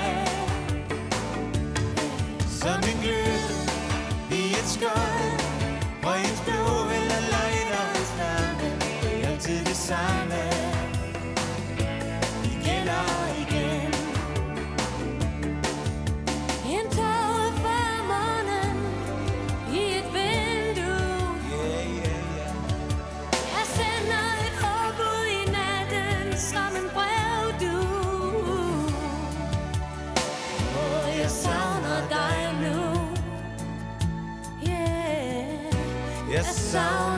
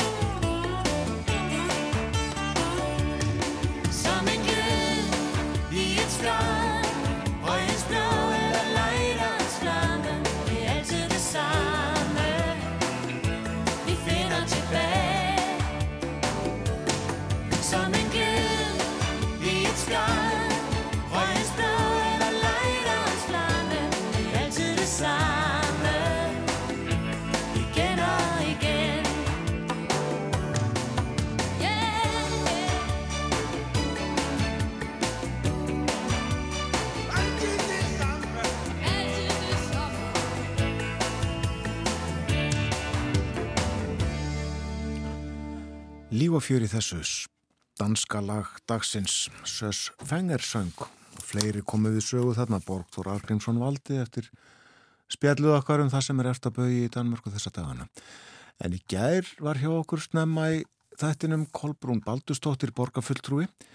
Hún lagði tilögu fyrir borgarstjórn í gær um að uh, borginn tæki föstum tökum já, sí fleiri tilvik þar sem að í hlut eiga úlingar sem beita óbeldi eða bera vopn. Uh, veistu þorun hvernig, hvernig fór með þessa tilögun? Já, ég fyldist með þessu. Kolbrún svo svo lagði til að uh, það er stopnaður stýruhópur til að bregðast við þessu. Það kom fram þarna í umræðum að, að næsti fundur mannrettinda og ofbeldisvarnaráðs hjá borginni uh, sem er held í ný orðið þessu, með þessu nafni. Eh, næsti fundur verði sérst helgaður umræðu um þessi mál og það var samþygt svo með öllum greitum atkvæðum að vísa tilugu kolbrunar eh, til meðferðar þessa ráðs. Mannréttinda og áðbeldi svarna ráð? Já, innan borgarinnar og næsti fundur þess uh, eftir rúma viku held ég. Já, nefnilega það. Framöndan er frettæflitt, fyrst auðlisingar eftir frettæflitt þið verður Jón Ólafsson, professor við Háskóla Íslands með okkur. Við ætlum að tala um stjórnarskrana.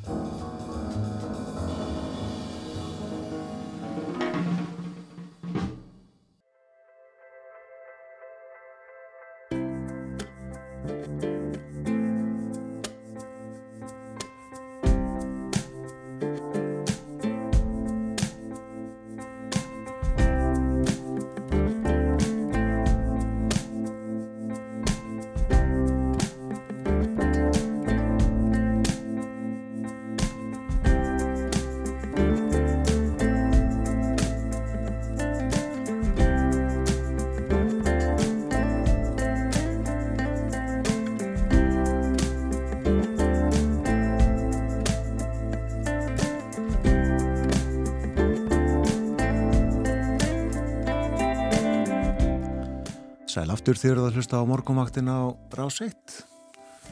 Klukka núna réttliðlega hálf nýju. Hugum að veðurhórun dagsins. Lesum yfir hugliðingar veðurfræðings. Það er útlitt fyrir suðvestanátt áfram í dag. Víðaverður góla eða kaldi. Strekkingur um landið norðvestanvert. Og vestanverðurlandinu verður þungbúið, dáli til súldiðarregning og austur helmiki landsins verður létt skíðað, fallegir höstdagar þar í vændum. Og hiti þrjú til áttastig spáinn fyrir daginn í dag. En uh, fyrir 12-13 árum eitthvað svo leiðis kjölfar hrunsins þá setti Ríkistjórn Íslands af stað vinnu og ferli við endur skoðun eða endur ritun stjórnarskrárinar stjórnarskrár líðveldisins Íslands eins og hún heiti formlega. 25 manna stjórnlaga ráð starfaði í nokkra mánuði, það var 2011 og ráði skilaði til alþengis tillögu að nýri stjórnarskrá með frumvarfi til stjórnskipunalaga og það var 20. oktober 2012 sem að framfór þjóðaratkvaðagreisla ráðgefandi um tillöguna og hún var samþygt. Það varði ekkert af breytingum á stjórnarskráni. Svo gamla er enn í fulli gildi og stundum er spurt hvar er nýja stjórnarskráin. Að því verður reyndar ekki spurt á málþingi sem að maður framfer á morgun í veraldhúsi Vítisar en þar verður spurt hvað næst. Og Jón Ólafsson, professor við Háskóla Íslands er meðal þeirra sem að flytja erindi á málþinginu. Velkomin í þáttun, Jón. Takk fyrst, sko, þetta ferli sem að hóft þarna hvað 2010 líklega, það var bísna umfangsmikið. Uh, er hægt að segja að það sé einhver stað að start eða er það dögt að þínu mati svona og, og, og, og þá með tilliti til pólitísks veruleika? Já, kannski best að bara segja það sem að segja það maður getur ekki svarað, þetta er góð spurning. En sko ég, nei, ég held að það sé ekki að þetta ferli sé dögt Uh, hins vegar er kannski hugmyndunum það að þessi gömlu drög stjórnlaraðs sem voru lögð fram fyrir rúmum 11 árum að þau verði stjórnarskráin. Það er uh, alltaf fjarlægari og fjarlægari hugmynd myndi ég segja. Og fyrir því eru tvær ástæður. Annars vegar er ástæðan svo eins og þú bentir á að það hefur ekki verið fylgi við þetta, það hefur ekki verið stöðningur sem hefur dögað til að koma þessi gegna þessum tíma sem er liðin en hitt er líka það að, að um leið og við skulum segja að það myndaðist pólitískur stuðningur við það að hverfa tilbaka einhverjum skilningi þá er samt alveg ljóst að, að þau drög sem að líka fyrir þeim er því breytt verulega. Þau myndu fara inn í þingið, þar eru alls konar breytingar og þá kannski kemur maður einmitt aftur að þessu tíu ára afmæli eða ártíð, það nú svona eftir í hvernig maður lítur á það, hvort maður á að tala um ártíð eða afmæli, því að þetta var endir í þessum skilningi, þó hann ætti ekki að vera það, þessi þjóðaratkvæðagreðsla 20. oktober 2012 að þá náttúrulega eh, er eh, lagt fyrir þjóðina að segja til um það hvort hún vilji að uh, hérna, þessi drög stjórnlagaráðs uh, verði grundvöldur að nýri stjórnarskrá. Og það eru þetta allt annað heldur en að spurja hvort fólk vilji að þessi drög verði ný stjórnarskrá. Og, og þess vegna líka þá er kannski margt sem að segja að það sé ekkit alveg augljóst hvernig ég að tólka niðurstöðuna jáfnveil þá stöðningur sé við þetta þessa tillögu og í þjóðrætkvæðagreðslinu var spurt um fleiri atriði, það var spurt um afstöðu fólks til fimm eh, svona megin atriði í stjórnarskráni og, og stuðningur við til dæmis auðlinda ákvæði var yfirgnæfandi og, og fleiri hluti. Eh, þar var líka spurt um, um eh, hvort að það ætti að vera ákvæði um kirkjuna í stjórnarskrá sem að, að mátti lesa þannig þó það veri heldur ekki alveg 100% ljóst að að það veri verið að spyrja um hvort að áframhaldandi þjóðkirkja, áframhaldandi tengsliríkis og kirkju ættu að vera eins og það hafa verið og, og, og hérna og við það var stöðningur og þetta hafa ekki bent á að þetta sé í ákveðinu ósamræmi við, uh, við uh, það sem að skoðanakannanir sína fram á. Þannig að það er ímislegt í þjóðrætkvæðagreðslunni sem að, að hérna, vakti vissulega spurningar og, og það kannski eh, endaði með því að, að alþingi í rauninni gerði ekkert með þessa þjóðaratkvæðagreðslu í raun. Það var aldrei farið inn á þing og spurt þessara spurningar eh, hvernig eiga stjórnvöld nákvæmlega bregðast við hvaða skref eiga þau að taka, hvernig eiga þau að tólka þann vilja fólks en þarna kemur fram, það gerðist bara ekki neitt og þess vegna er það líka skiljanlegt að, að margir þeir sem að bundu miklar vonir við þessa þjóðaratkvæðagreðslu hafa síðan verið hardir á því að sama hvað gerist að þá hafið þarna ákveðin líðræðislegur vilja komið fram og stjórnvöldum beri, jáfnveil þó að tímin líði í einhvern skilningi að virða þann vilja. Já. Þannig þetta gerir það verkum að, að, að, að þessi umræða er algjörlega lifandi en þá. Já, já. Já, það var ímislegt óljóst þarna og uh, fólk skildi þetta með, með ólíkum hætti, sko ráðgefandi hvað fælst í því og, og, og svo þetta orð grundvöldur, hvað merkir það í rauninni? Einmitt.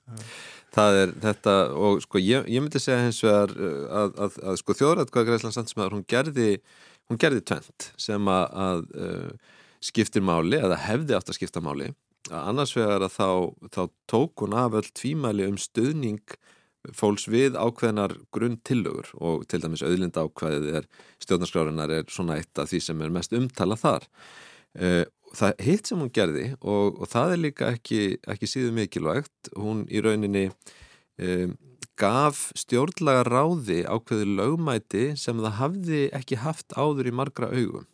Það er að segja vegna þess eins og, eins og þú mannst og ég vona allir munni að þá var þessi þróun svo að það var kosið stjórnlaga þing í november 2010 hæstiréttur ákvað síðan að, að vegna ákvæðan að galla á uh, framkvæðan þeirra kostninga þá, þá ógildi hæstiréttur uh, niðurstöðuna. Og þingið brást þannig við að það var sagt, sömu fulltróra hafði verið kjörnir þarna og það verið sjálfsveits ekki evasendur um að kjör þeirra væri ránt uh, þeir voru skipaðir í stjórnlagarað þannig að stjórnlagarað hafði í rauninni formlega séð uh, stöðu þingnemdar, skiparar þingnemdar og í margra augum að þá hafði það við þetta kannski ekki sama lögmæti og ef að það hefði bara gilt þessi kostning. En með þjóðaratkvæðagreðslunni að þá í rauninni eru tekin af vel tvímælu um það að, að það er meiri hluta stöðningur meðal kjósenda við það sem að þetta ráð gerði og það er mjög mikilvægt skref að, að, að í rauninni staðfesta lögmæti þess myndi ég segja. Já. Við höfum ekki aftur emt til þjóðaratkvæða greiðsluna uh, eh, er voru þarna nokkrar undan um iSafe en þessi, þessi tiltekna þjóðaratkvæða greiðsla og, og, það sem svo gerðist með þetta hafa áhrif einhvern veginn heldur á, á þjóðaratkvæða greiðslu í framtíðinni? Veikir þetta einhvern veginn tiltrúna á að niðurstöðum verið lít?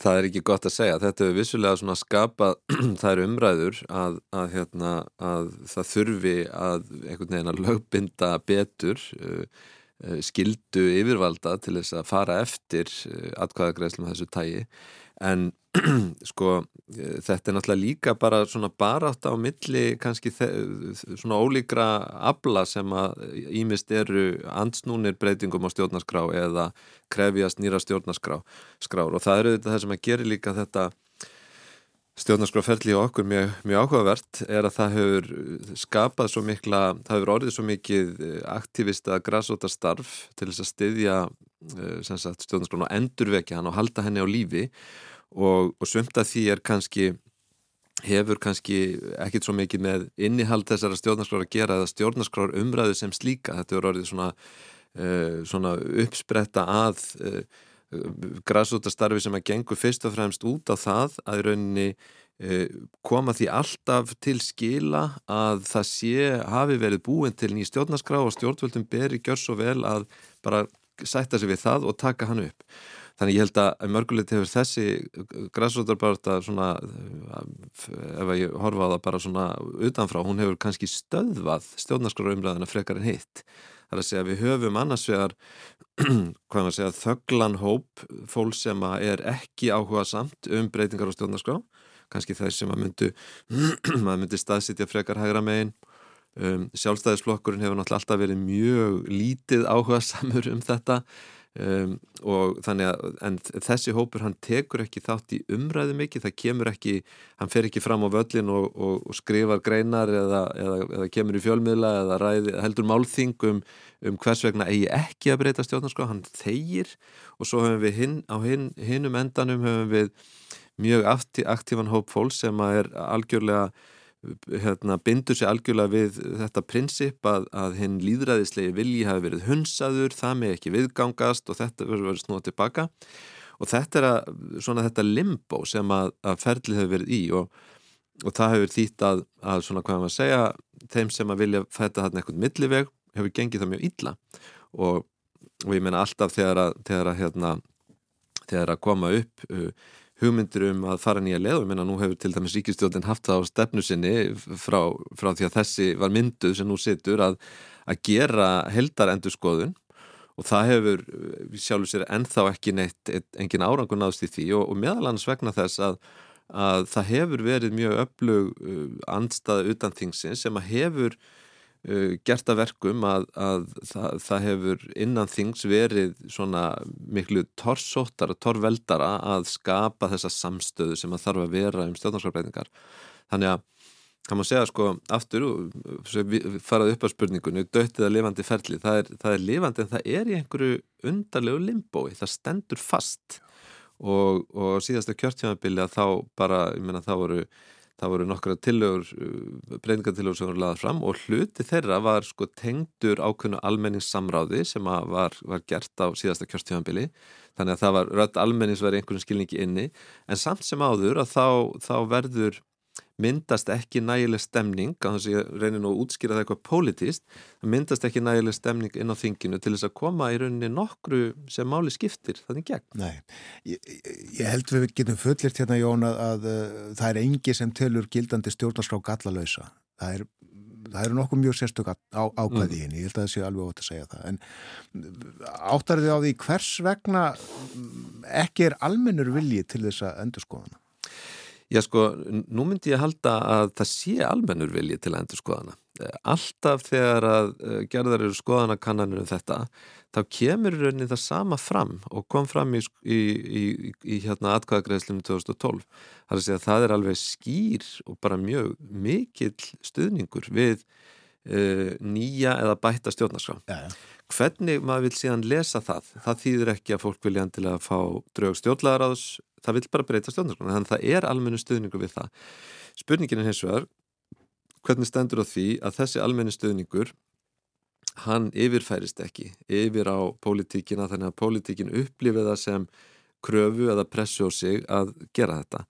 Og fyrir því myndi ég kannski vilja nefna tvær ástæðu sérstaklega. Fyrir ástæðan er þetta sem ég var að tala um áðan þetta limbo að við höfum uh, annars vegar þessa bara mjög áhrifamiklu aktivista myndi ég vilja segja sem að hafa nátt góðum árangri á félagsmiðlum og, og vekja á sér aðteglu með listgjörningum og öðru slíku sem að vil nýju stjórnarskrána. Þar að segja það er það nafn sem að það hefur yfir uh, draug stjórnlæðaraðs og hins vegar þeir sem að vilja ekki þetta eru auðvitað önnur ástæðan fyrir því að það gerist ekkert en hinn ástæðan er kannski aðeins uh, svona dýbri og hún er svo að jáfnvel þó að þessi almenni stuðningur sé í samfélaginu sem kemur fram í skoðanakonunum þá byrtist hann ekki í kostningahöfðun það virðist ekki skipta neinu máli fyrir fylgi flokka hvaða afstöðu þeir taka til þessa máls. Mm. það er kannski helst píratar sem hafa daldið svona fjárfest í stjórnarskrámálinu aðri flokkar geta í rauninni sveiflast til eins og það sínist og þeir vita að það mun engin áhrif hafa á þeirra fylgi. Það þýðir að pressan er auðvitað miklu minni Það var 1990 eitthvað eða það ekki sem að mannreitinda uh, greinunum var bættinn? Jú, 95 ef ég mann rétt. Já. Var al, almenn sátt um það? Fór það fram eiginlega svona, já, ég segi nú kannski ekki þegjand og hljóðalust en, en átaka lítið? Já, það var allavega samstaða um það og, og það er kannski eitt sem að, að við sjáum í sögunni að það er yfirleitt þegar að stjórnarskapbreytingar nást fram, svona einhverjar verulegar, að þá gerist það ekki þegjand og hljóðalöst en það gerist án mikill að átaka. Það gerist vegna þess að það hefur náðst einhvers konar eh, skilningur, samílu skilningur millir flokka inn í pólitíkinni á því að það sé samkómulega um eitthvað tiltekið og það er síðan bara unnið og klárað. Það er einmitt spurning af hverju hefur það ekki tekist núna? Öðlind ákvæði til dæmis. Af hverju hefur það ekki fengið sömu svona þróun og til dæmis uh, ákvæðum kostningar og, og, og mannréttindi í gegnum tíðina. Af hverju hefur fólk ekki bara séð já, við verðum að finna lausna þessu.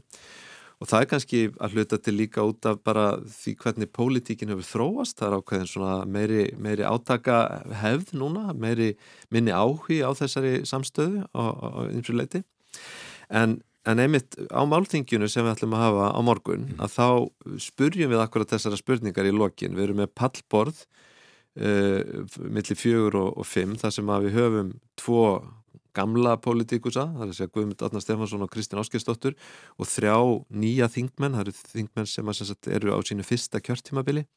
Og ætlum að byggja þau að þess að reflektera, að þess að hugleiða þetta sko, hvers vegna var hægt að ná svona samstöðu fyrir 25 árum, fyrir 70 árum en, en það er ekki hægt 60 árum, það er ekki hægt í dag. Okay og, og þetta er svona, þessi partur af málþinginu verður á íslensku, það er annars, annars erum við með tvær uh, tvo, tvö pallborð sem eru bæð á ennsku, erum með tvo elenda fyrirlesara, annars vegar uh, Katrín Dupré sem er uh, við Breskan Háskóla, hefur skrifað mikið um íslensku stjórnarskrána og þekkir, en hún kannski sá svona útlendingu sem ég hefndi segja þekkti það best hún ætlar að byrja og leiða þetta daldið inn.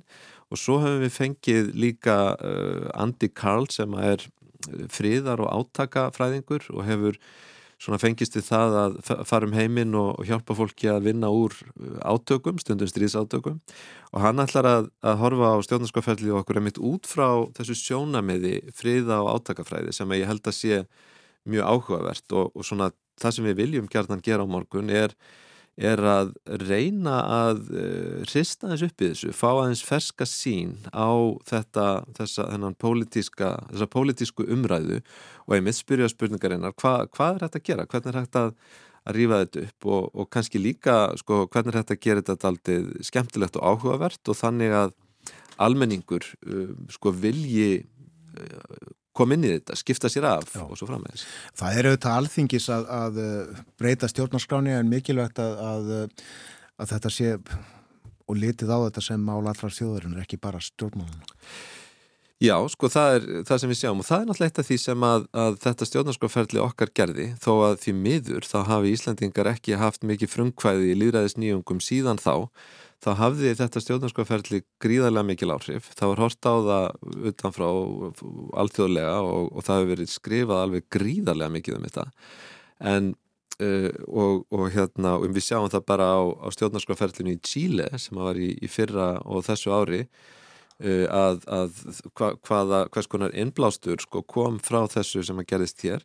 Þar að vísu, þar er kosið uh, hérna gríðarlega rótakt og flott stjórnlega þing með pomp og prakt og það skilar af sér mjög uh, ídarlega útfærðum tillögum í næstum því 400 greinum sem að síðan eru feldar í þjóðratkvæðagreðslu og, og það náttúrulega er, er líka umhugsanarefni sko, hvað er það, af hverju stöndum við frammi fyrir þessu? Að það er annars vegar höfum við eh, kannski mikinn áhuga og ég vil ákafa að, að fá nýja fulltrú að nýtt blóð til þess að, að hugsa hlutinu öðris og fara út fyrir stofnarnirnar en þegar holminn er komið þá er erfitt að stíga skrefið til fulls hvort sem að það gerist á einn á þinginu eða eins og í Tíle í þjóðaratkvæðagreðslu þar sem að, að hérna, þar sem skildu þáttaka og, og sem sagt eh, yfir, ég nú manni ekki alveg hver raunveruleg þáttökuprósta var kannski 85-90% en það er, er, er þessi flotta róttakastjóðnarskap bara kolfælt. Já, einmitt.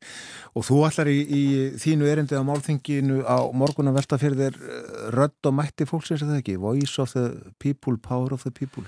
Jú, ég ætla að kannski tala um það sko hvaða, hvað við getum lært einmitt af þessu ferli og mörgu öðru um það hvernig hægt er að yfirfæra vilja almennings yfir á raunverulega stefnumótun í stjórnmálunum. Og það er ekkit svo auðvelt og það við sjáum það er mitt að jafnvel þó að það sé vel staðið að eh, borgaraþingum og almenningssamráði þá getur verið bara mjög þröng og erfið leið að koma þessu inn í kerfið. Og, og margt sem að spilar þar inn í bæðið þetta það getur verið spilling, það getur verið politísk anstaða en líka bara þekkingarlegur mismunur á almenningi og þeim sem að starfa innan stopnanan og í stjórnsýslunni. Þannig að, að, að það hefur sínt sig að, að þrátt fyrir sko gríðarlegan áhuga og, og alveg rosalega eh, sko það er alveg rosalega margt að gerast í þessu sem er almennt kallað líðræðis nýjungar, það er að segja alls konar nýjar leiðir til þess að móta stefnu og fá almenning til að taka þátt. Að þá sjáum við breytingarnar af þessari almenningsþáttöku ekki svo mikið. Það eru, það eru, það eru ekki svo mörg dæmi um virkilega sko velhefna ferli frá upphæfi til enda. Írland er oft nefnt sem dæmi um þetta. Þar voru gerðar uh, sko veigamiklar stjórn, stjórnarskrafbreytingar í kjölfar svona almenningssamráðs og vegna þess og hefðu sennilega aldrei orðið að veruleika annars en, en svo sjáum við Tíli og mörgunur dæmi eða Frakland, þar var haldið mikið mikið hérna, lofslagsþing sem hefur staðið sko í langan tíma og, og hefur einhvern veginn ekki tekist að, að það hefur ekki tekist að gera það af alvöru sko stefnumótunar þætti. Þannig að þetta er, þetta er mjög, mjög flókið og, og alls ekki augljóst sko að, að almennist þáttaka bara hún 1, 2 og 3 hún hafi áhrif á, á það sem gerist í politíkinni Þakka fyrir að koma á morgumvaktina Takk, svo leiðis Jón Ólafsson, professor uh, verður í veraldhúsi Vigdísar á morgun á þessu málþingi um stjórnarskrána, íslenska stjórnarskráin hvað næst, þetta hefst klukkan 12 og uh, stendur framöndu kvöld. Uh, fyrst svona tveir hlutar á ennsku eins og Jón nefndi, uh, hvað er hægt að læra af tilrunum til að breyta stjórnarskráni og, og svo horfur í stjórnarskrámálum á Íslandi og víðar og að lokum þetta pallborð, hringborðs umræður með eins og ég nefndi Guðmundi Árna Stefánsinni og Kristínu Ástgeistóttur sem voru á þingi á sínum tíma og svo þeim artísjöðinu Kristínar Gunnarsdóttur, Jóhanni Páli Jóhansinni og Guðrúnu Hafstensdóttur sem eru all nýliðar í pólitíkinni. En uh, morgunvaktin er uh, lokið, klukkan er alveg að verða nýju. Já, við förum að leipa fréttastofunni að og svo annari dagskrá hér á ráseitt. Minnum kannski eftir á það að það verður áfram fjallaðum læsismál á uh, rásætt í dag verður uh, gert í samfélaginu eftir hádegið. En já, þessu er að ljúka hjá okkur í dag. Við uh, verðum hér aftur í fyrramálið. Venju samkvæmt bjóðum góðan dag þegar klukkunum vantar um það byrj tíu mínútur í sjö. Þökkum samfélgina í dag. Verðið sæl.